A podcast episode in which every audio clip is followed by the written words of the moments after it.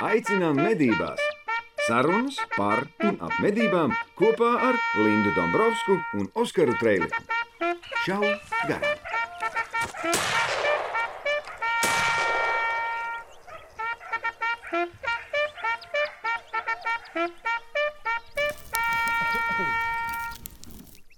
Nu, vakar, man dārgie draugi, beidzot jūs esat online.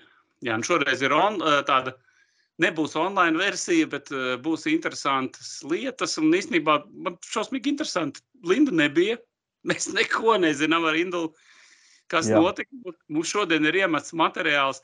Puisši būs podkāstu epizode, re, ka mēs kaut ko tur izdarījām. Man liekas, ka. Un tā, zin, tā pa gabaliņam, pa gabaliņam mests, mests, mests. Pa, pa lielam es neesmu redzējis. Indulim ir bijis tas gods, tā teikt, redzēt un jau bišķi pamontēt.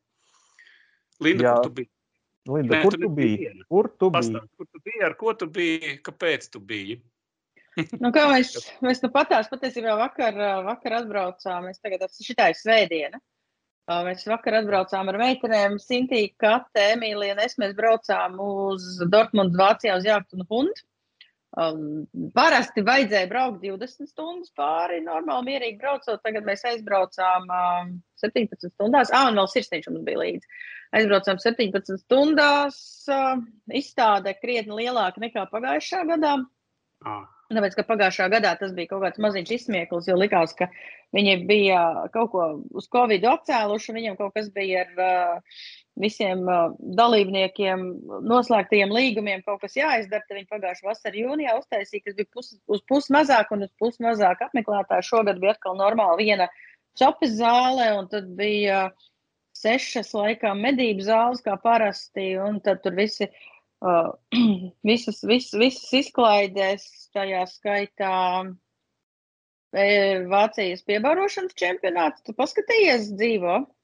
jā, tā smieklīgi. Tā, klausies, Tā dāma, tā viņa bija viena no labākajām, un tie tiesneši, tas bija dramatiski. Uh, Jūs varat paskatīties, Facebookā ir dzīvais. Tad mēs bijām, mums bija suņu parādi, mēs filmējām, un mēs varējām noteikt, kurš, kuram sunim, kurš šķirnes sunim ir labākais deguns, jo man somā bija sirsniņam kārumi, un es tajā mirklī, attaisīju to kārumu, to maisiņu, tad visi, visi suņi ar visiem labākajiem deguniem pēkšņi no skatuves uz manu somu šitā te. Un tieši mums tur kameras. Tad varēja redzēt, kurām šķirnēm ir vislabākais deguns, kurš vislabāk savož kārumus. Nu, man bija faces valdes sēde, un bija arī meitenes piedalījās faces komunikācija darba grupā. Tas bija tāds uh, nopietnāks pasākums, pārējais gājām, skatījāmies, ko tirgo, kādi ir jaunumi, safilmējām, dzīvie bija. Beigās mēs arī no preses centra uztaisījām uh, intervijas. Uh, tā kā bija saruna ar Sintiju un Katu par iespaidiem.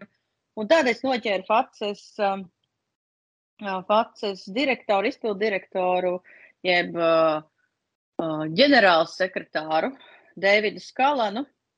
Un tad mēs uh, pārunājām par to, kas tajā mirklī notiek Eiropā medību jautājumos, cik depresīva ir situācija, bet to jūs varēsiet pišķiņ pēc mūsu sarunas vēlāk redzēt. Bet, protams, šis ir tāds ievadiņš, draugi, mīļie. Jā, da, mazais ievadiņš par to, kas tur, nu, tur būs turpmāko stundu. Cik mums materiāls sanāca?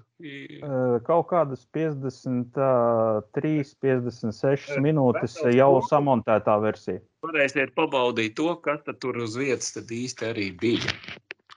Tā kaut kā, ne, nu, baigi lustīgi iz- izskatās. es saku, es no savas puses, man tas pirmais, tur tas sākums, kur tas kungs tur eh, pirms tās dāmas bija. Nu, Es pa baurošanu runāju. Jā, Nu, ārprāts, nu, es nezinu, kā lai to tā zolīja. viņam sāpēja vēders. Viņam Man- man- sāpēja vēders. Man liekas, ka viņam bija kāds iesprūdis mietu vienā vietā. Nu, tik šausmīgi, iedomīgi izskatījās. Tur trausmīgi. Viņa "Ha, nu, tur pacēla galvu, es esmu skaisti nobaudīju. Nu, kaut gan nu, tas sniegums bija kāds. Starp citu, kas uzvarēja no vāciešiem? Uh, Ilons Masks. Atkal, again. Aha. Mēs, atkal Bet, tiksimies. bet viņa, bet es, es, es noskatījos, man bija iespēja noskatīties tikai pirmo disciplīnu. Bija kopā trīs, ierakstījām, noskatījos vienu. Vislabākais bija vienkārši Ilons Masks. Tur ir viens uh, vācu piebaurotājs. uh, Jūs varat paskatīties to Facebook. Uh, viens vācu piebaurotājs, kurš no priekšas, kad viņš sēž, skaties uz viņu, un pilnīgs izspļauts Ilons Masks. Jā, Es nezinu, es, Viņš uzēdies. nu, pišķiņu uzēdies, bet es, es neatceros, kā viņu sauc. Ā, Ortleps bija laikam trešā vietā, tā kā jūs viņu Čehijā satiksiet. Tā. Un, ā, un otrais, es nezinu, kas bija, bet, bet, bet es, tas bija, es, es komentēju par to, ka atnāk baurotājs. ā, Disciplīnai jābūt trim daļām, trim izteiktām, skaidri redzamām daļām. Ilons Masks to izdarīja perfekti, tā kā tas notika Eiropas čempionātā. Viņam viens paņem un kaut kādu divnieku ieliek. Viņi tiesāja, viens kaut ko tur atnāk, kaut ko novervelē, vienkārši nestāsta, nekas viņam ieliek kaut kādus pieciniekus. Dāma noblieza tā, ka vienkārši acis lielas. Un uh, viņai arī kaut kādus mazus, mazus punktus iedeva. Īsāk Jā, sakot, bet tas bija dāmu- šausmīgi dīvaini. Panalizēšu, bet to dāmu, jā, man liekas, ka tur viņai bija.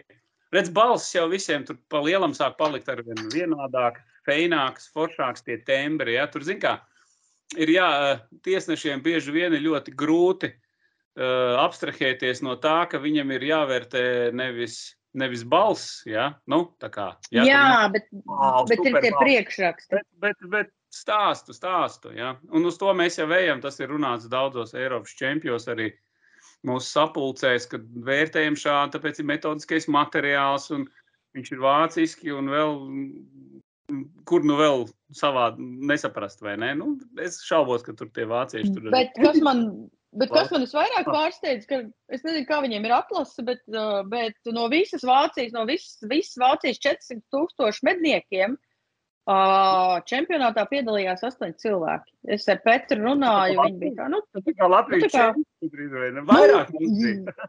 nu jā, par to ir runa. Bet uh, jautrākais šajā visā stāstā mēs, nu, tā kā svētdienā mēs tagad ierakstām, vakar mēs atbraucām. Un beigās es vēl šodien ar suni aizbraucu, mēs vēl asinspēdu atradām un uh, normāls piedzīvojums. Kuilīds, da- kuilīds bija sašauts Kasparam Dukaļskim, kas mums arī ir bijis uh, podkāstā. Un uh, viņš vakar naktī zinās ar suni pakaļ nedabūja, un tad mēs šodien ar Vitāru aizbraucām un dabūjām. Baigi interesanti. Baigi interesanti. Man būs ir uh, safilmēts video ar visu šāvienu, pat šoreiz izdevās šāvienu mirkli arī nofilmēt, bet tas būs mums maksas kanālā, mednieku dienas grāmatā. Tas ir spoilers. Šito mēs parunāsim nākamajā, droši vien, kaut kādās epizodēs, kā tev gāja, lai tā teikt, lai. Un, un, un arī droši vien Indulim būs ko stāstīt, kā viņš ir noslēdzis savējo medību sezonu. Un man būs droši vien kaut ko pastāstīt, kā bija. Bet to es domāju, ka nākamajās epizodēs mēs papļāpāsim. Šodien svarīgākais par to izstādi. Jā, starp citu, nu, pagājušā gada čempionāts notika Vācijā, Eiropas čempionāts piebaurošanā un arī tieši izstādes laikā. Un, nu, arī, nu, tāpēc es saku, es gribēju tā dzirdēt, kas tur ir, ja viņi ir tiešām lieli. Nu, jo pa, tur bija tā, ka, zini, nu, ja Trīs zāles pagājušajā gadā bija. viena stundiņa, divas, un mēs esam visi izstādi jau iztaigājuši. Visi sveiki. Tur pāris stendi kaut kādi. Visi. Nu, šitien, šitien sanāca, ka diezgan, diezgan daudz, nu, kā parasti vecajos labojos laikos, kad uh, ritīgi ir jāskrien uh, riņķi apkārt. Un, uh, kā man bija viena diena sapulcēm, un tad vēl kaut kāda tikšanās, un tu satiec cilvēkus, ko tu sen neesi saticis, un sāc runāties, un beigās tā. Uh, otrdien mēs aizbraucām, trešdien bijām izstādē, ceturtdien pēkšņi tā, tu teici, parunājies ar šo, parunājies ar to, paskatījies kaut ko, nekur tālāk pa divām zālēm. Nē, es aizgāju, uztaisījis vienu dzīvoju, ja pūkstens četri, viss jābeidzās. Nu, tā kā, nu, viss līdz sešiem braucam mājās. Nu, tā kā, Jā, jūs bet, nu, Vācija. Es jau domāju, ka jūs visu brīvdienas vēl tur paliksiet līdz beigām. it kā. nu, baigi sanāk, baigi dārgi tad tā viesnīca, un mēs četri cilvēki, nu, bija labi, bija apartamenti, bet, nu, kaut kā baigi, baigi nogurst, un mēs jau arī atpakaļ braucām. Mēs meitenēm mainījāmies. Sintīna Emīlija, es braucu naktī pa divām stundām, tāpēc, ka nu, man jau sāk vienā mirklī sarkana suņa rēgoties. Tad es teicu, nē, nē, ir jāmet mierā.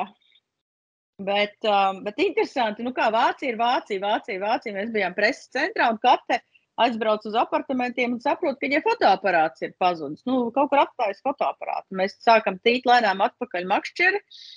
Ka, nu, visticamāk, viņi bija runājusi ar vienu mednieku un aizmirsusi tajā preses centrā. Protams, drāma, uztraukums, nu kā nu fotoaparāts, darba rīks ir pazudis ar visu materiālu, nu ritīgi, ritīgi traki.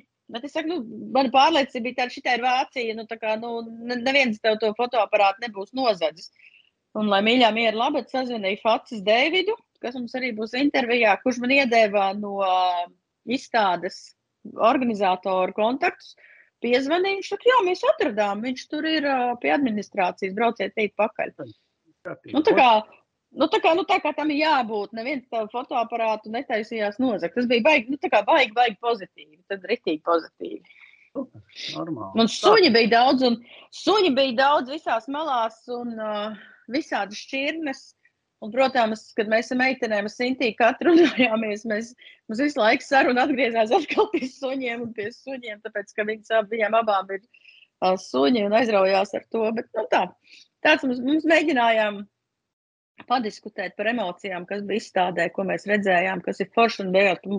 Pa svīnu parunājām arī, arī ar Deividu. Mēs runājām, tāpēc, ka no 15. februāra Eiropā stājās spēkā regula, kas aizliedz munīcijas izmantošanu mitrājos. Tā kā, nu jā, mums tāda šoreiz tāda pushibrīda, pusprombūtnes, Jā, bet pavisam savādāks formāts. Ir pavisam citāds formāts. Tā kā, draugi, mīļie, šāda interesanta epizode mums tagad ir ieplānota. Eh, Šis, ir, šis bija tāds maziņais ievads. Ja? Ar jums tiksimies nākamā nedēļa. Es droši vien nākamā nedēļa, nu, diemžēl, dažādu apstākļu dēļ nevarēšu piedalīties, bet es domāju, ka jebkurā gadījumā būs kāds viesis. Es ceru, es ceru ka mums būs. Pie tā mēs piestrādāsim. Ja nebūs, arī būs forša epizode. Parunāsim par dažādām foršām, skaistām lietām. Neaizmirstiet salikt laikus, ja, ja šī tāda hibrīda versija mums ir. Nu, šī tāda, man liekas, mums vēl nav bijusi? Mums bija, mums bija no. Ungārijas izbraukuma Nu, pasākums, jā. bet tur, tur arī bija, tur bija visādi mirkļi no visurienes. Visurienes šitien mums ir Jā. tur bišķiņ savādāk. Tā kā, drau- draugi, mīļie, izbaudat šo epizodi, saspiežat laikus un vispār jūs jau zinat, kas ir jādara. Tā kā dodiet izplatījumā mūsu, jā, zvaniņš, laiks un izplatām. Tā kā, draugi, mīļie, paņemat, eh, teikt, tasīti milku kofiju, eh, ietaisiet kaut ko garšīgu, apsēžaties, ieslēdzat datoriņu un kaut kā viņš jau ir ieslēgts. Ha! Vienkārši baudiet procesu pie ekrāna. Tā kā patīkam skatīšanos. 17 stundas ceļā uz Dortmundi. Negulētas naktis, bet nekādu problēmu, jo mēs dzeram milku kofiju.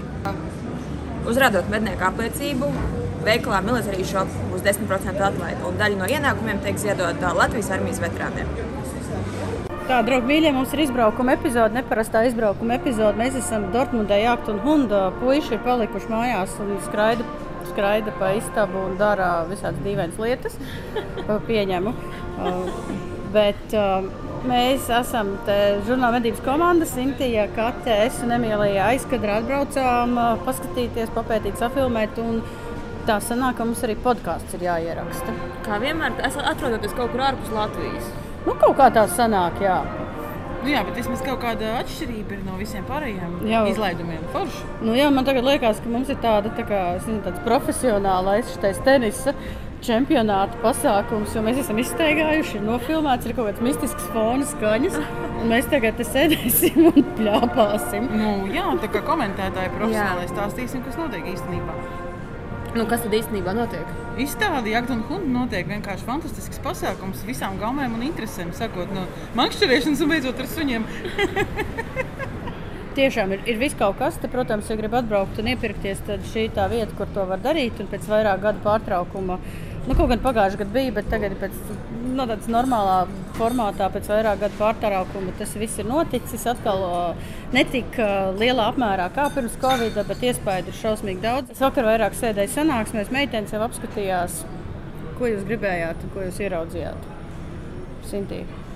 Nu, mans saraksts ir pārāk garš. Sāci nu-. Nē, nu jāsaka ar to, ka uh, ir nenormāli liela sadaļa suņiem. Un, uh, izstaigājot gan to zāli, apskatoties tās pašas suņu šķirnes un vēl visādas lietas, jāsaprot, ka tur ir uh, tie paši suņu gardumi, kurus Latvijā mēs pērkam par bargu naudu. O, tas, tas, bija, tas bija šoks. Jā, cūku ausis piemērs. Jā, Latvijā maksā 3 Vienu, eiro jā. gabalā. Šitien 37 eiro. Tāds maisis. Un, jā, un attiecīgi ļoti daudz lietas sunim. Nu, tur viss kaut kas sākot ar uh, dvieļiem, pidžamām O, jā, tur šampūni smaržīgi un Jā. vēl kaut kas. un gultiņām un tā tālāk. Un, Protams, gribas nopirkt arī kaut ko izējamiem medību pasākumiem. Bet nebija, nav šogad nav tik daudz, kā bija citas Jā. gadus. Es nezinu, kā bija citas gadus. Jā, bet es, es, es, tev, es tev saku, ka tā tas ir. Jā. Mums joprojām dīvainas skaņas ir. Uh, es saprotu, ka tu tāpat kā es, tā kā sev neko nevajag, principā, bet suņiem vajag. Jā, precīzi.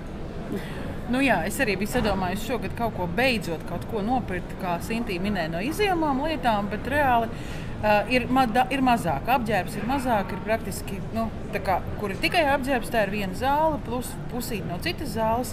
Izvēle nav sevišķi liela, un izjomās lietas ir divās vietās. Un, Un vienā no tām vietām, nu, kundze nāca man pretī, un viņa tā gribēja palīdzēt, un kāds izmērs, un kādu jūs gribētu. Un visi man piedāvā, un man sorry, bet nekas neder. Es saku, nu jā, man stāvs tāds mazāks, es uz viņiem šuju. Tad dīvains apgalvojums, bet, nu, labi, ok, var sakot, es paliku bez izjāmām drēbēm, bet arī par suņiem runājot. O- Otrs pārsteigums bija ne tikai našķi, bet arī mīkstās gultas, Jā. kas Latvijā, nu, tas ir tā kā nevis gulta, bet vienkārši audums. Spilvens. Ciets audums, kuram pa virsmu ir šāda vilna, kas ir ļoti silts, laiž cauri mitrumu, ļoti noderīgs mašīnā vai guļvietā, vienalga. Ideāls vienkārši. Jā. Latvijā viņš maksā 1,30 m reiz kaut ko, 70 eiro. Šeit pat tāda nauda var dabūt 3. Kas arī ir fantastiski. Cenas ir ļoti labas. Jā, kaut kam ir labas, kaut kam nav labas. Ir Kaut kaut kāda apģērba, kaut kam, nu, jā, piemēram, kaut kāds Herkules vai kaut ko tamlīdzīgu lētāk baigi nedabūs, bet nu, kaut kāds atlaides, tur 10-15% viņi visu kaut kam arī piedāvā. Visādi apģērba zīmoli, ko jūs te varēja atnākt savu, sa, samērīt un pēc tam uh, Sūtīt online. sūtīt online. Mums bija, mēs ar Sintēju sēdējām, skatījāmies suņu me, medību, suņu šķirnu parādi. Jā. Visādiem, visādām dīvainām, un mazāk dīvainām un ļoti ierastām Suņu šķirnēm. Mums ir Facebook, žurnāla medības Facebook lapā ir dzīvēs, var apskatīties. Jo patiesībā ir tā, ka tās suņu šķirnes ir ļoti daudz. Un tad, kad kāds grib to savu pirmo suni iegādāties, tad vienmēr ir tāpatās kā ar kalibriem un ieročiem, ko lai tagad dara. Jā, kāds suns, kurām medībām būs labāks, kāds mājās tas raksturs, kāds ir un viss pārējais. Tur ļoti grūti izvēlēties. Sevišķi, ja runājam par vācu medību šķirnēm, kur ir Jā. šticilhāri, purlpointeri, drathāri, kurtshāri un vēl visādi citādāki Jā, gribās hāri. teikt, ka viņi orientējās uz matiem lielāko. Jā, apmēram matu dažādību. Jā, bet... uzacis, liela bārda un daudz matu. Nu, apmēram tā kaut kā. Jā, bet tas bija baigi interesanti. Tur visā tur var pēc auguma, pēc izpildījuma, pēc rakstura, Pēc gaitas. pēc gaitas, pēc medībām, pēc medību veida, kurā grib sunu izmantot. Tur ir iespējas visādi. Tikai jautājums, kas ir pieejams Latvijā un kas nav pieejams Latvijā. Jā, nu, svarīgākais ir tādos pasākumos piedalīties, un klausīties un skatīties, un tad domāt, kādu sunu tu gribi. Vēl palasīt, pēc tam ir vērts palasīt par to šķirni, lai nav kaut kāda pārsteiguma nopērkot vīglu un jā, jābrīnās, ka viņš skrien desmit km projām no mājām. Šāva garām, jaktei būt. Vakar sanāca tā, ka es biju Fācis valdes sēdē.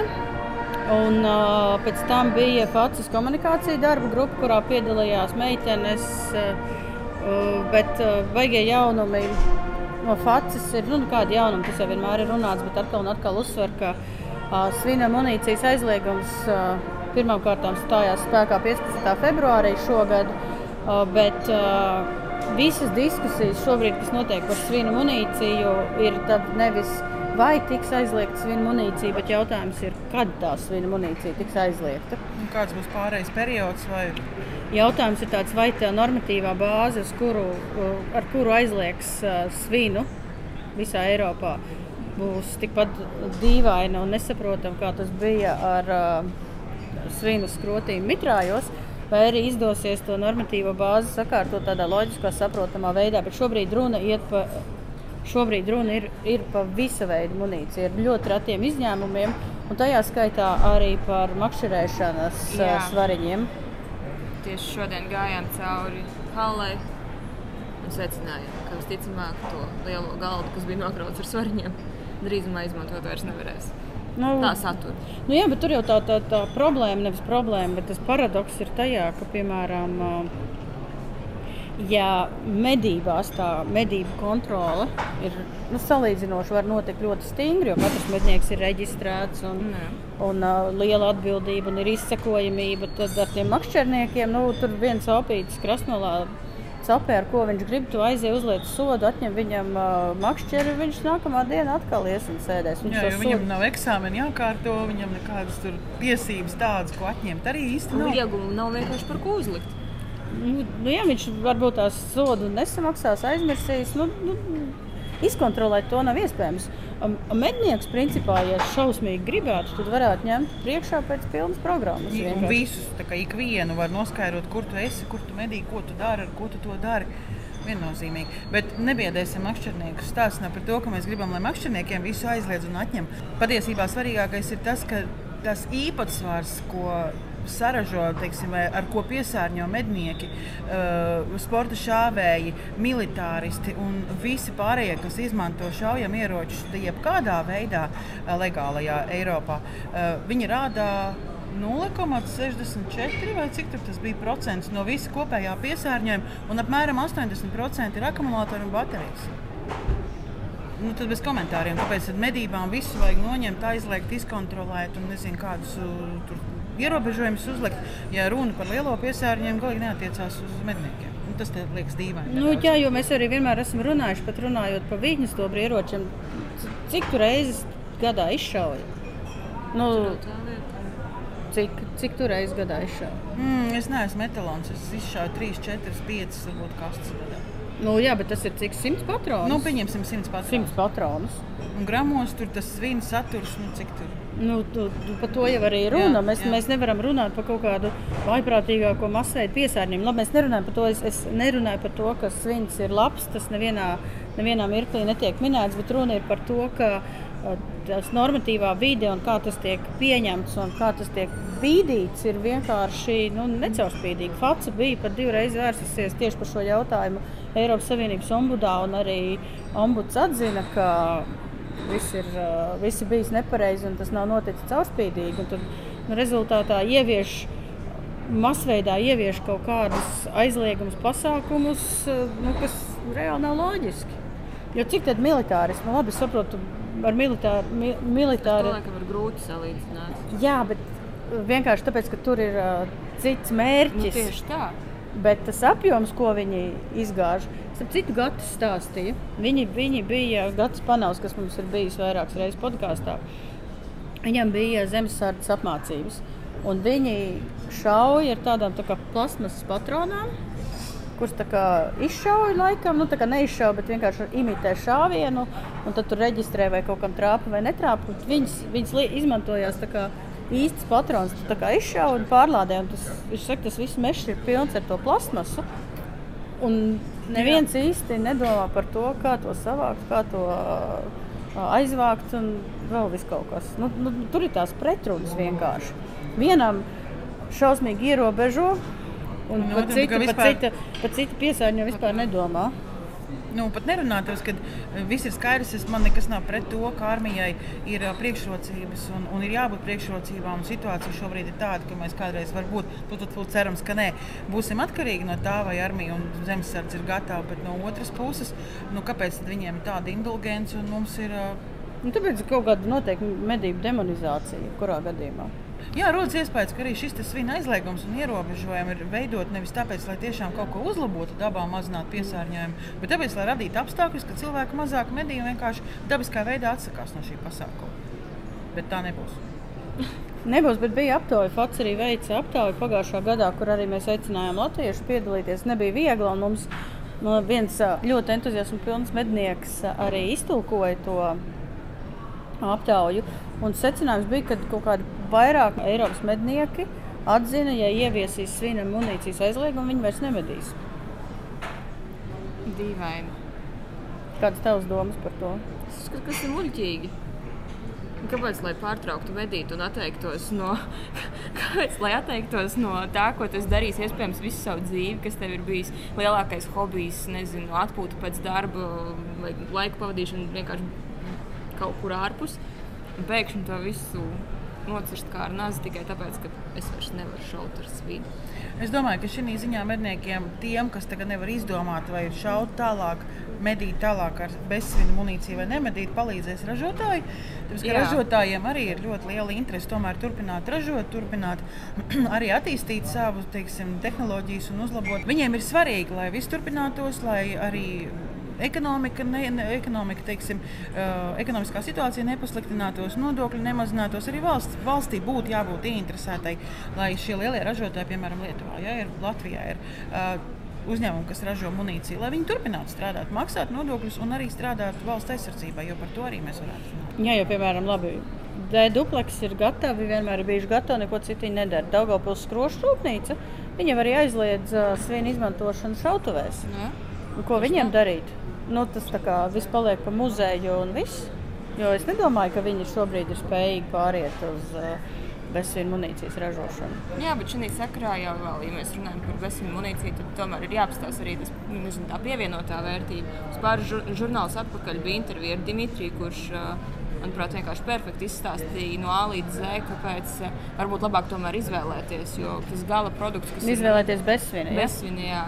Jo tas gala produkts, ka, kas tomēr ir no tām medībām, un ko mēs patērējam ikdienā, no, attiecīgi no medību gaļu, tad, ja viņš ir medīts ar svina munīciju, tad Dmitrijs jau ļoti labi paskaidroja to, ka tā gaļa ir tik ļoti piesārņota ar šo svinu un attiecīgi tiem metāliem, kad pēc tās intervijas noklausīšanās un lasīšanas man patiesībā sakot, uh, palika mazliet uh, tā šķērmi. Nemaz negribās to svinu Nu, tur jau tā lieta, tur jā. jau tā lieta. Bet, bet nopietni, tik, tas, es, tas, tas piesārņojums, viņš teica, ir, ka vienkārši Viņš ir dramatisks. Jā, bet, bet, citiem būs arguments par to, ka mēs visu mūžu esam ēduši un nekas nav līdz šim noticis. Viena no interesantām lietām šajā intervijā, ko var gan noskatīties, gan izlasīt mūsu žurnālā un, un, un, un YouTube. Ja? Viņš YouTube. jā. Viņš ir YouTube. Viens no ļoti interesantiem, momentiem ir tas, ka ir kaut kādā veidā viņš bija minējis, ka ar metāla detektoru ir pārbaudīta gaļa. Un ir atrastas tādas tik ļoti maziņas daļiņas, nu, protams, tas ir tuvu, tur nav nekāds čērlis, tāpēc detektors reaģē ļoti labi. Ir atrastas maziņas, maziņas daļiņas. uh, Burtiski metru attālumā no šāviena, respektīvi par lielu dzīvnieku runājot, jau par to pašu briedi vai alni. Ja, tās mazās mikroskopiskās svinu daļiņas ir gaļā. Tur nav uh, kā šāviena pēdas, nav asins izplūduma, nav kas, bet tur ir svins. Un to ar metāla meklētāju var atrast.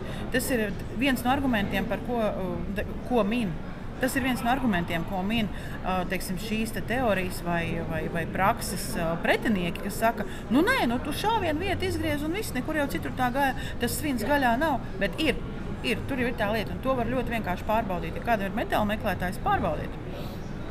Jā, bet, nu, bet tur, manuprāt, tas bija D-dupleks, bija veicis vairākus pētījumus ar ā, rengeniem, vai arī Dundurs to minēja, ka arī no gudstobra lodes tas piesārņojums ir pietiekami liels. Jo, cik es atceros, Zviedrijā tad, jau pašā sākumā viņi pat ieteica grūtniecēm un maziem bērniem nelietot uzturā meža gaļu, kas ir ar medīt ar svinu. Bet tu- tad viņi tad ieteica, ka nu, principā šitāds te, cik tas ir, nezinu, 30 x 30 centimetri, vai to, to gaļas gabalu vajadzētu tā izgriezt un izmest ārā. Labi, Bet tas ir Alnim- kubika centimetri. Nu, nu, tā kā, nu, plakams, nu, jā. jā, jo bet tas sanāk, nu, jebkurā gadījumā, ja tu alnim tad kaut ko tādu tu vari noteikti izgriezt, tā ko tur mazam sivēnam tur izgriezīs. Vai stirnē? Vai stirnē tikai paliek rāgi un nāgi un asti Ja paliek. vēl šķērsām šāviens aiziet pa diagonāli, nu tad vispār. Tad labāk nebedīju. Tad vāram galvu. Nu, reāli, pēc pauzes turpinam. Nu ko? Lādē iekšā! Mēs esam izbraukumā, mēs esam jākt un hundi. Beidzot, pēc ilgiem laikiem atkal pārtraukums Dortmundē. Mūsu puiši palika mājās. Mēs uh, ar Sintī Kati, es un Emīlija aizkadrā uh, diskutējam. Sirsniņš. Un sirsniņš, jā, mums sirsniņš arī ir līdzi. Viņš ir izmīris kaut kā, kā suga. Viņš ir, viņš ir noguris. Vienkārši iedomājieties, te ir šausmīgi daudz cilvēku, un, un viņam redzes laukā visu laiku ir kājas. Tas- ir suņu Visu laiku. piedod. Visu laiku, jā. Bet, nē, ko es gribēju teikt, vakar mēs runājām, es te prasīju katru par taviem iespējām. Tu teici, visur, kur iet, tur ir mednieki, tur ir savēji. O, jā, tas ir tik fantastiski. Pats lielākais, pats tāds teiksim, nu, spilgtākais iespējas bija, es nepaspēju aiziet no filmēt, Pats bet sākums. pats sākums. Jā. Vispār pirmās dienas pats sākums, un pirmā Jā. diena, kopš mēs esam te. Emīlija aizgāja uz lielo halli un no augšas nofotografēja un nofilmēja, kā izskatās mednieku rindas, kas ir sastājušās zālē un gaida, kad viņi tiks iekšā. Skats ir fantastisks. Jā, bet tas vēl bija papildināts ar to, ka ik pa laikam, kā vairāk cilvēki pienāk, orķestris sāk spēlēt šo mūziku. Un tas vispār liekas, tu ieraugi tās masas, kas nāk iekšā halē, un vēl tā mūzika tagad, kas mums fonā. Jā, un Tur kaut pilns- kas reāli trenējas, tāpēc, ka tur tālāk ir tā tauru, tur var nopirkt taurus. Tādēļ viņi tur laikam Jā, trenējas, viņi mēģina. mēģina izvēlēties Var savu, iepūst vai nevar iepūst? vai savu sapņu tauru, mēģina dabūt. Es to, es to palaidu garām, jā, tādēļ forši, ka tu padalies. Un Tas bija vienkārši fantastiski. Un suņi visur ir suņi, tas ir tik labi. Bet nu, galvenais ir tas, ka tiešām tu ej pa halli, tev nāk pretī masa ar cilvēkiem. Ir grūti pat izlavierēt, cik daudz ir cilvēku. Bet visi ir mednieki, tu saproti, ka katrs pirmais, ar kuru tu sāksi runāt, tevi sapratīs, un tu varēsi atrast kopīgu valodu. Ka viņš ir mednieks, un tu esi mednieks. Nu, nav svarīgi, kādā valodā tu runā. Nu, jā, un arī viņi visi ieraudzīja manu sunu un nāk un, un runājās. Ne, nu, bet- blondīna ar suni. Nu, tu- Ne, nu, iepriekš bez suņa man tā nenāca klāt. Mēs atkal atgriežamies pie suņiem. Pēc smieklīgi, kas sirsniņš staigā un viņš grib. Tāpēc, ka te ir tik daudz suņu, viņš mēģina iezīmēt katru miskastu, katru trepas stūri un vēl pamanījās kaut kādu kārumu maisu Jā. uzčurāt virsū.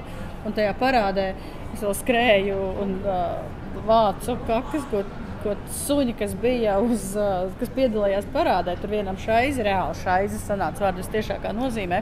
Un, lai nākamie neiekāptu, es vēl gāju ar kaut ko maisiņu un, un vācu sanākušo šaizi. Bet, ne, nu, forši tā ir, jā.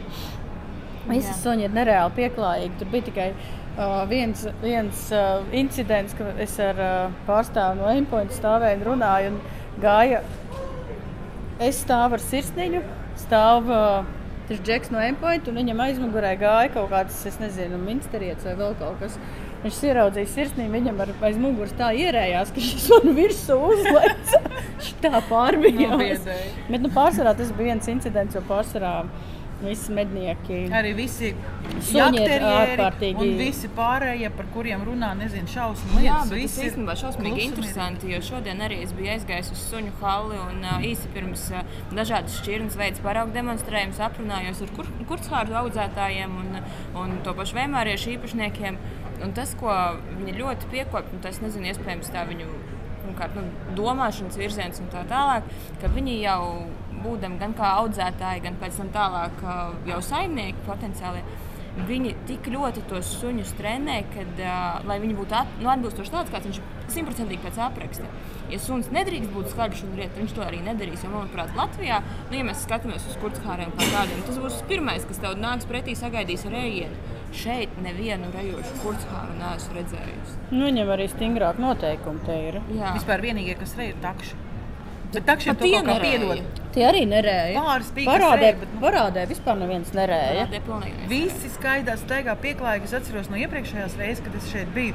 Bija parādē viens uh, kungs, mednieks ar trīs jakterieriem, kas gāja bez pavadas. Pēc kārtas, pēc norādes, pildīja komandas. Perfekti visu izpildīja. Atrada, izdarīja, atnesa, pienāca, apgūlās un gāja blakus. Tā kā cirku zirdziņi. viens otram blakus un saimniekam pie kājas. Vienkārši fantastiski. Skaisti. Tas ir skaisti. Tā arī ir. Nu. Mums vēl ir kur augt Latvijā. Nu, mums nav vienkārši problēma. Ir tāda, tā nav problēma. Tā vienkārši ir. Mums vienkārši nav bijušas tādas tradīcijas. Nu, kad, kad, kad mēs ā, sākām reāli Latvijā sāk asinspēdu meklēt ar suņiem? Kad? Ja neskaidrs kaut kādus tāpat tās nejauši gadījušos kāds cilvēkus, kas, kas to meklē. Bet kas cilvēki, kas reāli ņem suņus un apmāca asinspēdēm, mums vienkārši nav bijušas tādas tradīcijas. Mums reāli ir daži cilvēki, kas ar to nodarbojas, būtībā tikai sākuši to kultūru ieviest. Mēs pat nerunājam par to, ka ārzemēs, piemēram, Zviedrijā ja, un Somijā, ir cilvēki, kuriem ir līgums ar policiju un uh, drošības dienestiem mm, un glābšanas dienestu. Uh, kuri brauc un meklē uz ceļa notriektos un savainotos dzīvniekus. Vienkārši lai dzīvnieks nemocās. Nevis tāpēc, ka kādam vajag teiksim, to gaļu atdot vai kā, bet vienkārši humānu apsvērumu dēļ mācu suņus, brauc naktas vidū pēc izsaukuma, meklē dzīvnieku, kurš kaut kur krūmos ir. Mm, Jā, un viņiem tas ir Zviedrijam, es runāju, un viņiem tas atrašanās procents kaut kā 30% viņi atrod patiesībā. Bet reāli, jā, uz katru, katru gadījumu viņi brauc ar pārbaudi, kas ir mums tā lieta. Nu, ir mums ir dzīvnieku tiesību draugi, kas uh, uztraucās par citām lietām, bet uh, šādas elementāras lietas neviens necilā un nerunā, jo kādam tas laikam nav, nav Tas nav izdevīgi. aktuāli. Tas prasa laiku, naudas ieguldījumus, un tas arī nu, tas ne, negūs tādu sabiedrisko rezonanci kā cīņa pret medniekiem, piemēram. Ieroči, tu, tu meklē sev karabīnu. Jā, es meklēju savu karavīnu. Iespējams, atradu. Pastāsti, ko tu skatījies un kāpēc tu domā tieši par to. Tā nebūs reklāma. Ne. Nē, tā nebūs reklāma. Un Es jau ļoti ilgu laiku skatos uz blāzera ieročiem. Un, uh, nezinu, iespējams, tu man esi aplipinājis. Nemazām necentos. Bet uh, nu, tā sanāca, ka uh, izstādes laikā aizgājām ar Emīliju uz ieroču zāli. Pirmais tu ieej un tu ej tādā lielā blāzera paradīzē. nu, jā, tāpēc, ka blāzeram ir milzīgs stends. Tur ir Nu, Blāzers ir katrā stendā šajā izstādē. Pilnīgi katrā vienalga, kur tu ies, būs kaut kas no blāzera. Un tagad mēs ejam un es Vācija, tāpēc, ka tā ir Vācija. Jā, un tagad es ieju, un manā, un tas tā kā iedomājieties, kā filmās parasti notiek, notiek apgaismība un skan vēl tā eņģeļa mūzika. fonā. Un viss tā palēnināta tādā Jā, kustībā. un pilnīgi tā, tā kā pilnīgi apgaismo tieši to, tieši to ieroci. Un tur ir stikla ietvarā, viss tāds vitrīnā. Es tik lietvarā parasti ir diezgan dārgi ieroči. Nē, ne, šis pat bija diezgan labā cenā.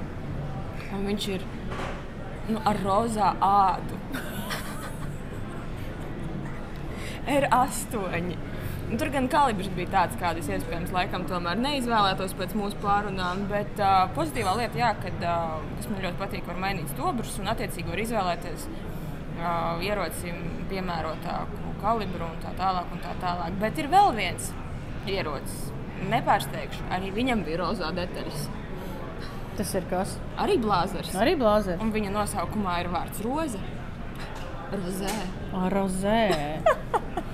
Nu, es saprotu, ka viņiem tas tirgus viss ir jāpaņem, bet atcerieties to, ka zem blāzera ir uh, zaurs, mauzers, rigbijs, uh, minoks viņi tagad, kas nav ieroči, bet Jā. ir kameras un binokļi. Uh, un vēl Rūgeru, man liekas, viņa arī, vai Bereta nopirka Rūgeru. Neatceros. Bet, nu, īsāk sakot, blāzers tagad nav tikai tā kā blāzera ieroči, viņiem ir um, ar blāzera zīmolu, ir apģērbi, ir ieroči, binokļi. Uh, Tēmēkļi, tirgus. Jā, un tad zem viņiem ir arī viss pārējais zauvers, mauzers. šeit mēs runājam konkrēti par blāzera ieročiem, bet jā, es biju tiešām patīkami pārsteigta. Un patiesībā, sakot, cenu kategorijā pat varbūt nebija tik traki, jo tad, kad es jau pameklēju pēc tam vakarā mājās internetā, tad un tas ir cenu kategorijā līdz, ja es piemēram skatos to pašu 7x64 kalibru, tad uh, cenas ir līdz 5000. Nu, nu, tad baigi lēts, un tas Nu, tas noteikti nav, nav. blāzers nav tāpat lēts. Nu, jā, kaut kā tā. Nu ko, pārlādējam! Jums izstāde, katrai man liekas, ir otrā reize. Sintie ir pirmā reize. Uh, es sāku stāstīt pauzē par to, ka uh, pirms dažiem gadiem man te ieslēdza, jo mēs, mums šodien uh, izstāde ir līdz sešiem. Un, Mēs gribam bišķi ilgāk palikt, un tad uh, jautājums bija, vai mūs nemetīs ārā. Bet stāsts ir tāds, ka mani ar uh, Tomu, kas ir no mednieks no Beļģijas, ieslēdza.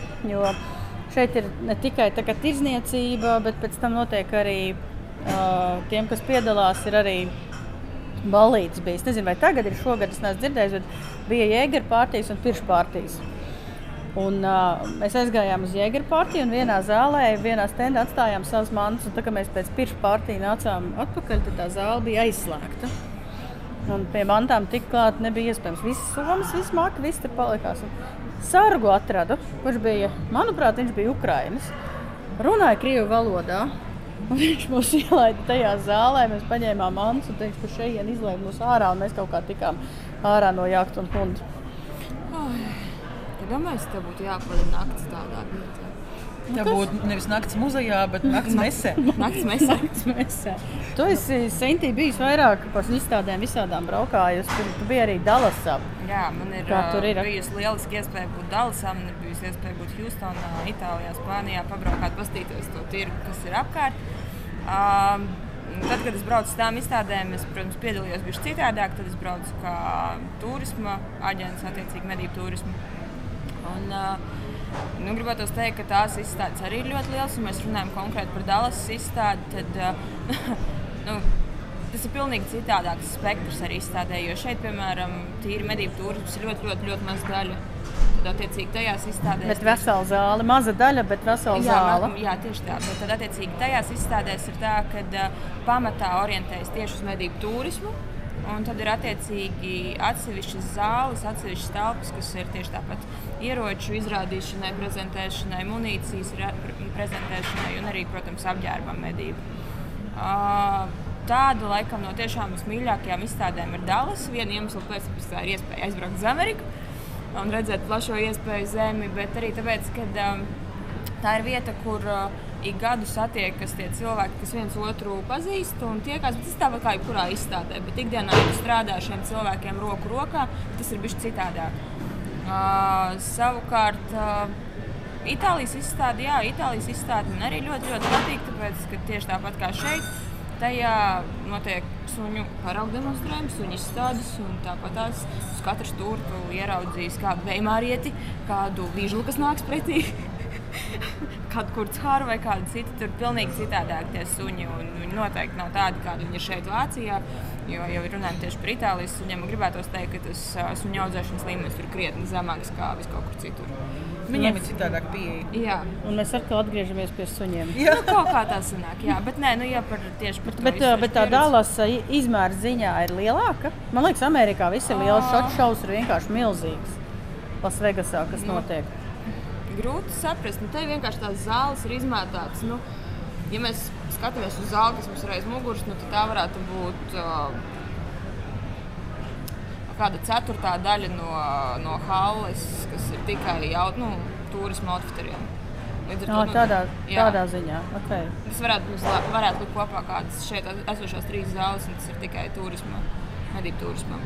Un tad atsevišķi vēl ir halas. Nu, jā, viņas ir lielākas. Tāpat laikā, piemēram, izstāde Houstonā, tas ir tā kā aizbrauc uz uh, tādu lauku. Nu, tā, ja mēs salīdzinātu, ja šis, piemēram, būtu pasākums, kas notiek Rīgā, nezinu, arēnā, tad uh, aizbraucot uz Houstonu, tas notiek vienkārši, nezinu, tāls kultūras namā. Apmēram tādas varētu būt tās izmēra atšķirības. Tā kā Houston, tā kā kultūras nams. Nu, kad tur tā izstāde, viņi ir tiešām tā kā lauki. Ļoti, ļoti, ļoti maza zāle, kur tu vari viņai visai kopā apiet apkārt, nezinu, Jūs 5 tur, tur, minūtēs. cik tu tur ir četras dienas sēžat šķūnī? Nu, Nē, nu, mēs sēžam it kā, kā halē, kā halē, bet tā zāle ir visa kopējā, visa izstāde kā tāda. Viņa ir mazāk par šo tālu Vajag interesanti. Jā. Man liekas, ka Amerika, tad Amerika, un tad tur ir vispār Amerika, viss ir vaiprāts kaut Pa kā. izstādi var braukt ar kartu, piemēram, lai tiktu visur. Vai velosipēda. Tu ar mašīnām izbrauci? Nesenāca. Tur es sapratu, ka tur, lai izbrauktu ar mašīnām, ir kaut kas uh, tam arī jāsamaksā. Un kaut kas jāreģistrējās un tā tālāk. Bet uh, es to plānoju izdarīt rītā, jo es ticu, ka mums rītā būs brīvāka diena, bet es šodien safilmēju mašīnas. Tur ir vesela, tur vesela zāle, ir, kur ir kaut kāda nu, subaru un kaut kas baigi daudz nav pārstāvēts. Tur ir Jūsu davi un gata mīļie automobīļi, kurus jūs testējāt, tiem, kuriem jūs taisot video, staigājāt riņķi. Ah, šitie te Jā, defenderi. jaunie defenderi. Tie, un tad viņiem tur ir kaut kāda šķēršļa josla ar veselām šūpolēm, un tad var pārbraukt Jā. māju jumtiem un darīt visādas dīvainas lietas. Jā.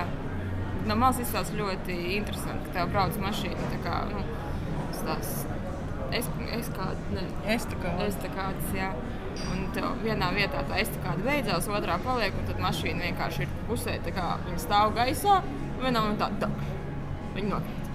Viņa aizbrauc, kārtībā. Ļoti labi testi. Tas tiek izpildīts kaut kādās minūtēs, man liekas, piecās, un tās meitenes, kas tur kāpj ārā vai bērni. "Ā!" Baigi labi. Jā.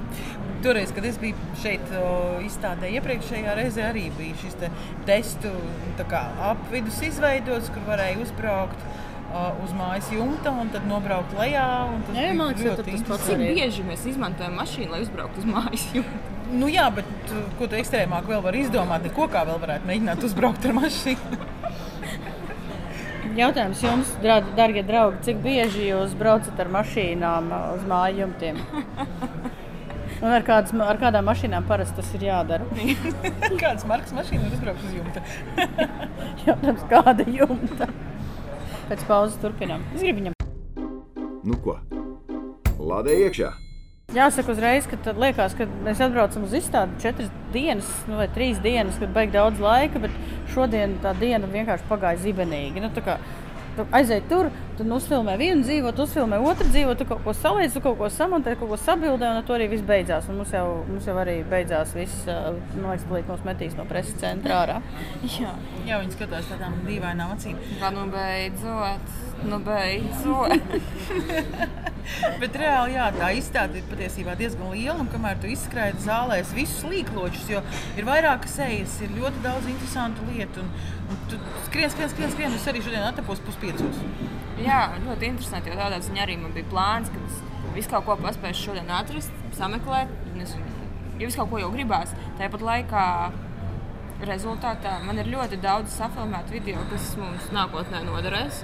Nu, tādēļ jau mēs arī braucām, Jā. lai mēs varētu veidot kaut kādus materiālus nākotnē. Jā, un tas pēdējais moments, kad vienkārši kaut kur mēs satiekamies pie dzīvokļa, kad pēdējo filmējām un vārds.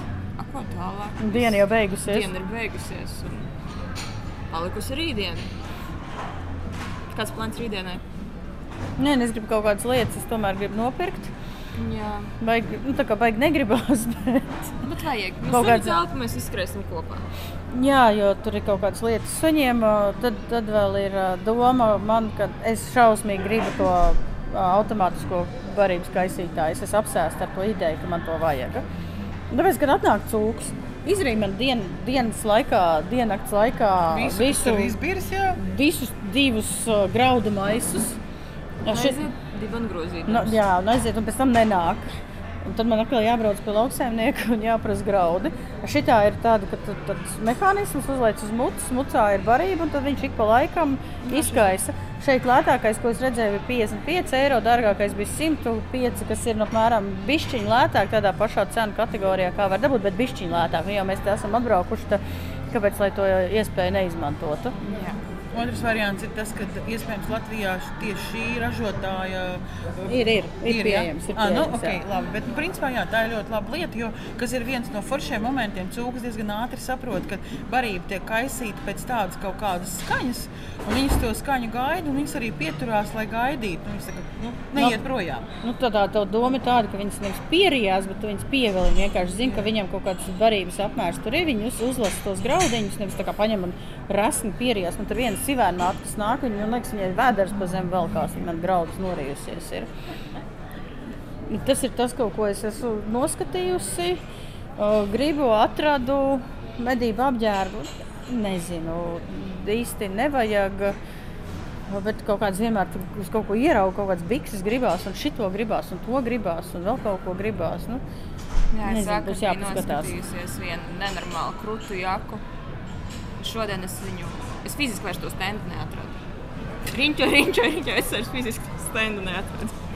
Jā, tā noteikti. Tur izstādē ir tik daudz visa kaut kā, un tu zaudē orientāciju un ceļu. Un man liekas, ka tev vispār būtu jāizdod ceļvedis, kur ir kas. Jā, tā kā tu ieraugi kaut ko, un vienkārši tā kā ieliec kartē punktu. Ļoti gribētu, lai pie mums arī tāds izstādes notiktu. nu, viena būs, viena maziņa būs, bet tur ir. Uh, tur, man liekas, viena izstāde ir tā kā viena šī zāle, tur, bet tur ir viss kopā. Nu, labi, Latvijā ir kaut kādas liekas, divas zāles. Viennozīmīgi ir, ir kas ir laivas, un makšķerēšana, un medības, un Un atpūta dabā. Jā, un droši tur arī truši tajā skaitā.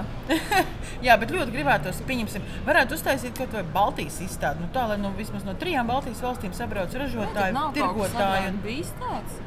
Es nezinu, es nezinu, kāpēc nenotiek. Būtībā jau varētu. Jo, ja paskaita, piemēram, kaut vai tikai mednieki, Latvijā ir 20,000, Lietuvā ir 30,000, Linda, cik ir Igaunijā mednieku? 15,000. Okay, tātad kopumā mums ir ā, 65,000 mednieku un viņu ģimeņu locekļi, kur bērni, piemēram, meklē kaut kādus apģērbus, ja mazākiem, citu, šeit ir šausmīgi smuki mednieku apģērbi maziem, maziem bērniņiem. Nu, sakot ar čībām un beidzot ar visām, visām jaciņām un vispārējām.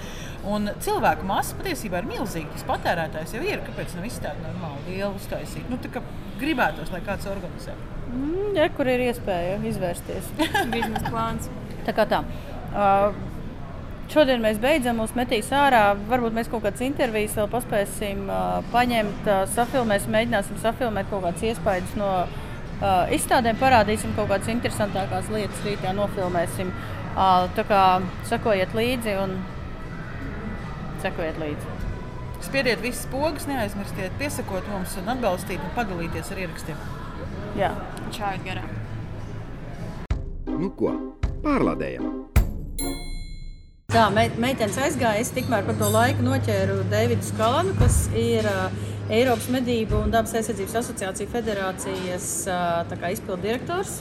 Vai David? Good evening. Uh, un, uh, Darīsim tā, Mēs, viņš runās angliski, viņš ir no īrijas. Es uzdošu jautājumus angliski, un mēs tam pārtulkosim. I was just saying that you're like an English speaking person, so you will be explaining and I will be translating. Uh, Tādēļ mans nākamais jautājums ir, vai pirmais jautājums ir par to, kas tik svarīgs, kāpēc ir tik būt šeit. Uh, just briefly, why is it so important for Face to be here in Dortmund? It's a big, uh, let's say, um, appointment in the calendar because it's the largest indoor hunting fair in Europe. And with this, we organize a board meeting. Uh, we also organized a communications working group meeting. And we also hosted an event whereby we could explain to industry what's happening now and what's going to happen in the future with respect to hunting in Europe. And that's really important for the, the hunting sector to understand that. Dēvids saka, ka šeit Vācijā notika trīs pasākumi. Svarīgi būt šeit, tāpēc ka šis ir lielākais uh, Eiropas uh, pasākums, tā kā lielākā Eiropas izstāde. Viņi organizēja valdes sēdi, kur man bija iespēja piedalīties komunikāciju darba grupā, un pēc tam bija tā tāds sadarbības vai informācijas apgrozījuma pasākums, kur stāstīja industrijai par uh, nākotni, par to, kas, uh, kas notiek. Mans nākamais jautājums būs par to, kas pašlaik notiek uh, Eiropā. So, what is happening now? What, what's the biggest issues on the agenda FACE is working on? Oh, we have a lot of files uh, on the table. We have a revision of the EU firearms regulation, which is important for, from a hunter's perspective, for movement of firearms from the EU to third countries. We have a ban on all lead in all ammunition under development. We have proposals to stop most migratory bird hunting in Europe that we're dealing with. We have uh, increased restrictions coming from Brussels on the management of large carnivores, uh, which we are working on to ensure flexibility and a workable system, uh, which is important for Latvia, for example, with the lynx. Uh, we have a big conservation program that we're pushing. We have a new nature restoration law. We have new work on strictly protected areas and protected areas. Um, and we have uh, yeah, several other discussions, but I think they're some of the main files that are hot right now. Uh, vēl try to remember all of that. Uh, ir daudz, ļoti daudz svarīgi jautājumi šobrīd. Uh, what was the first one? Oh, firearms. Uh, Pirmais ir tiek pārskatīta Eiropas šaujamieroču direktīva, kā pārvadāt īpaši ieročus no Eiropas Savienības uz trešajām valstīm. Tad ir svinu munīcijas aizliegums, kas stājas spēkā šogad. Tiek, uh, Da, un otra daļa - vispārējais svinu munīcijas aizliegums, par to diskutēs šī gada laikā. Tad ir jautājums par to, ka Fakse ārkārtīgi sīvi un sūri cīnās pret mēģinājumiem pilnībā un, totā, pilnīgi un totāli aizliegt migrējošu ūdensputnu medības, kur ir bijušas tādas vēsmas. Ir jautājums par medībām aizsargājumās dabas teritorijās un vēl ļoti daudz citu jautājumu. Um, people are always i'm always asking you the same question always because like for the normal local hunter they they think that they don't feel what face is actually doing for them so i would like you to explain that and I'll translate. Uh, mans jautājums ir tas, nu, ko face dara ierīnas parastajam medniekam uh, Latvijā. To start, it's good to, I think, remind hunters that 80% of the rules within European countries are coming from Brussels. Uh, so this is the starting point, and that's why uh, Europe's national hunting associations are united within FACE, that we have this voice for European hunters in Brussels. And that's why we're there, that's why we've 14 staff, and uh, there's a lot to do. I mentioned some of the files earlier, but I think without a strong representation in Brussels, we would have a lot of problems for Europe's hunters. Deivids saka, ka jāsāk ar to, ka 80% dažādi jautājumi, kas tiek pieņemti par medībām un kas ikdienā ietekmē arī medniekus, tiek pieņemti Briselē. Tādēļ ir tik svarīga tā sadarbība un tādēļ ir svarīgi, ka ir mednieku pārstāvniecība Briselē. Viņiem oficiālā strādā šobrīd 14 cilvēki. Un bez viņu darbības un rosīšanās situācija medību jautājumā šobrīd būtu daudz, daudz sliktāk. Es pajautāšu vēl par to. Brīžiem liekas, ka visu laiku visu aizliedz, visu aizliedz, bet vai ir bijuši facēji kaut kādi piemēri, kas parādīs, ko viņi ir izdarījuši sekmīgi? So, if we listen to all the agenda points you're mentioning, it's, the situation is quite kind of very depressive. There, are only bans. The bans again. Hunting is hunt, hunting uh, is kind of being demonized. But you have had some good wins last year. Yes, the world isn't ending, and I should say that we have a new strategy for 2027 whereby we're going to start working more on the social sustainability of hunting in Europe, and that's really important. But uh, last year, look, we had so many files on the table, but towards the end of the year, um, the European Parliament made some important statements about the value of hunting economically, ecologically, socially to Europe's rural areas. We had a number of calls from the Parliament to uh, amend the level of protection for large carnivores through the Habitats Directive. Um, and we had um, problems like a ban on hunting in strictly protected areas that was changed. Um, and they're just, let's say, some examples. Unfortunately, we had to take action via the European Ombudsman because we weren't getting fair play in the uh, lead ban. Um, there should have been no need for these things, but okay, that's our job to make sure that we have workable and fair laws for Europe's hunters. We're running a campaign now, and it's very successful.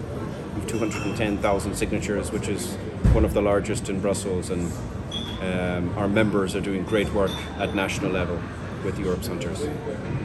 Viņš saka, ka pasaule īsti nebeidzās ar to visu, bet ir daudz piemēru, kur izdevies ir kaut ko panākt. Pagājušā gadā Eiropas parlaments pieņēma uh, nozīmīgu rezolūciju, kas uh, definēja medību dzīvnieku apsaimniekošanas sociālo-ekonomisko nozīmi.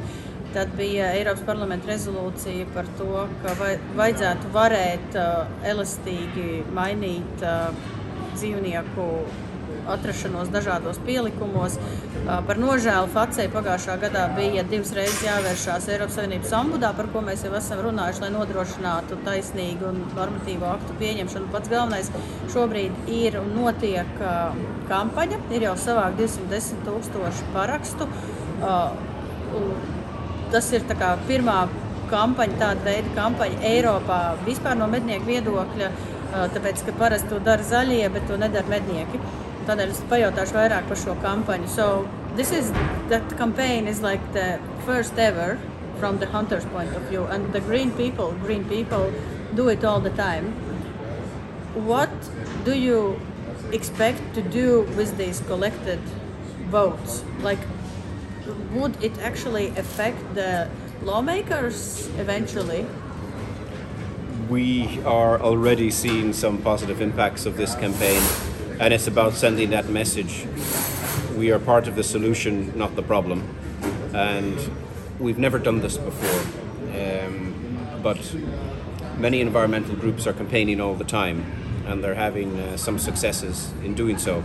So it's really useful for us to be able to uh, have a campaign where we lead from the office in Brussels and we really share and exchange good practices.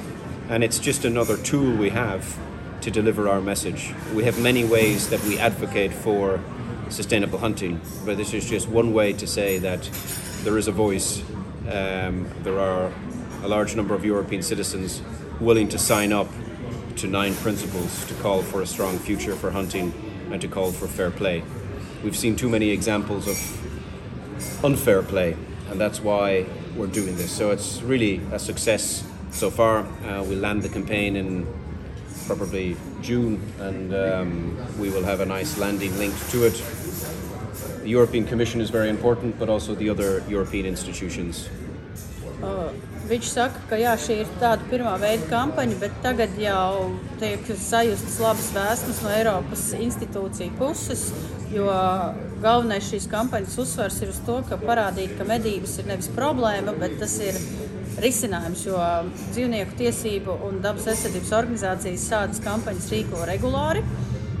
Un, tas tiešā veidā arī ietekmē to viedokli, kādā tiek pieņemti lēmumi. Un, par nožēlu Dēvids arī minēja par to, ka ir bijuši daudz gadījumu, kad nav nodrošināta tā godīgā spēle, bet uh, šis ir veids, kā būs iespējams. Uh, Beidzoties kampaņai, kas notiks apmēram jūnijā, ietekmēt ne tikai Eiropas komisiju, bet arī citas institūcijas. Uh, how how do you use these data? Like you go to the European Commission or the institutions and you just put on the paper on the table and say like it's half a million hunters want this and that and they will accept it because so many people have signed. How does it work? How do the green organizations achieve what they want because they have lots of people? They have talking? lots of people. Yeah, we had, there was a campaign recently about forests and forestry that had 205,000 signatures, and it's just about sending a message to decision makers that there's a lot of people out there that are concerned. Um, how we hand over the signatures, uh, we will see. We will do something interesting uh, with the Environment Commissioner. He's the most important decision maker. Um, and also the European Parliament is, is very important. So we've already been talking about this in Brussels. We had a press conference last October, and uh, it's a big topic of conversation when we meet people. Uh, tell me about this campaign. Why are you doing it? And it's already delivering the message that we are part of the solution. We do good work when it comes to conservation uh, and, and sustainability. And whatever happens in the future with respect to rules and regulations, make them workable, make them understandable, make them fair. Mans jautājums bija par to, kā tas notiek. Viņi vienkārši paņem, noliek sarakstu ar parakstiem un saka, ka ir šausmīgi daudz cilvēku, kas tā piekrīt. Devits saka, ka principā tas tā notiek, jo nu pat bija kampaņa saistībā ar mežsaimniecību, un to parakstīja vairāk nekā 200 tūkstoši cilvēku. Tas bija kā informēt institūcijas par to, ka ir uh, daudz cilvēku, kuriem uh, jautā, šādi jautājumi rūp. Kādā veidā viņi to pasniegs, uh, tas būs uh, interesants pārsteigums. Uh, pats galvenais ir vides komisārs. Uh, pagājušā gadā jau arī bija preses konference, kurā mēs piedalījāmies tieši par šo tēmu, lai pievērstu uzmanību. Any message to the to our hunters in the Baltic states? Uh, what should they do? What should they fear? Uh, oh, what's good, what's bad, what to expect from the future. How do I summarize this in a sentence? Invest in your national hunting associations, be part of the voice that represents you. We have a huge amount of work to do. Um, we have defined where we want to go for the next uh, four or five years. Uh, we have a big program of work. We need uh, hunters work with your members at national level, be part of them, and that makes us a stronger voice. Uh, Es prasīju, lai nodotu kādu ziņu noslēgumā. Jums te fonā metālika sāk spēlēt gan ieraksts, bet YouTube tas varētu nepatikt. Uh, bet uh, Deivids saka, lai to jautājumu, to, zi to ziņu noformulē īsā, īsā teikumā. Viņš saka, sadarbojoties ar savām nacionālajām mednieku organizācijām, tāpēc ka kopā mēs varam sasniegt, gūt spēku un ietekmēt likumdevējus, iesaistīties procesos, tāpēc ka nākotnē ir šausmīgi daudz dažādu tēmu, par ko FACE cīnīsies un strādās, lai mums būtu tiesības medīt. I always say when I come to face that I'm fighting for the right of the hunters to hunt in the future. How do you see the future?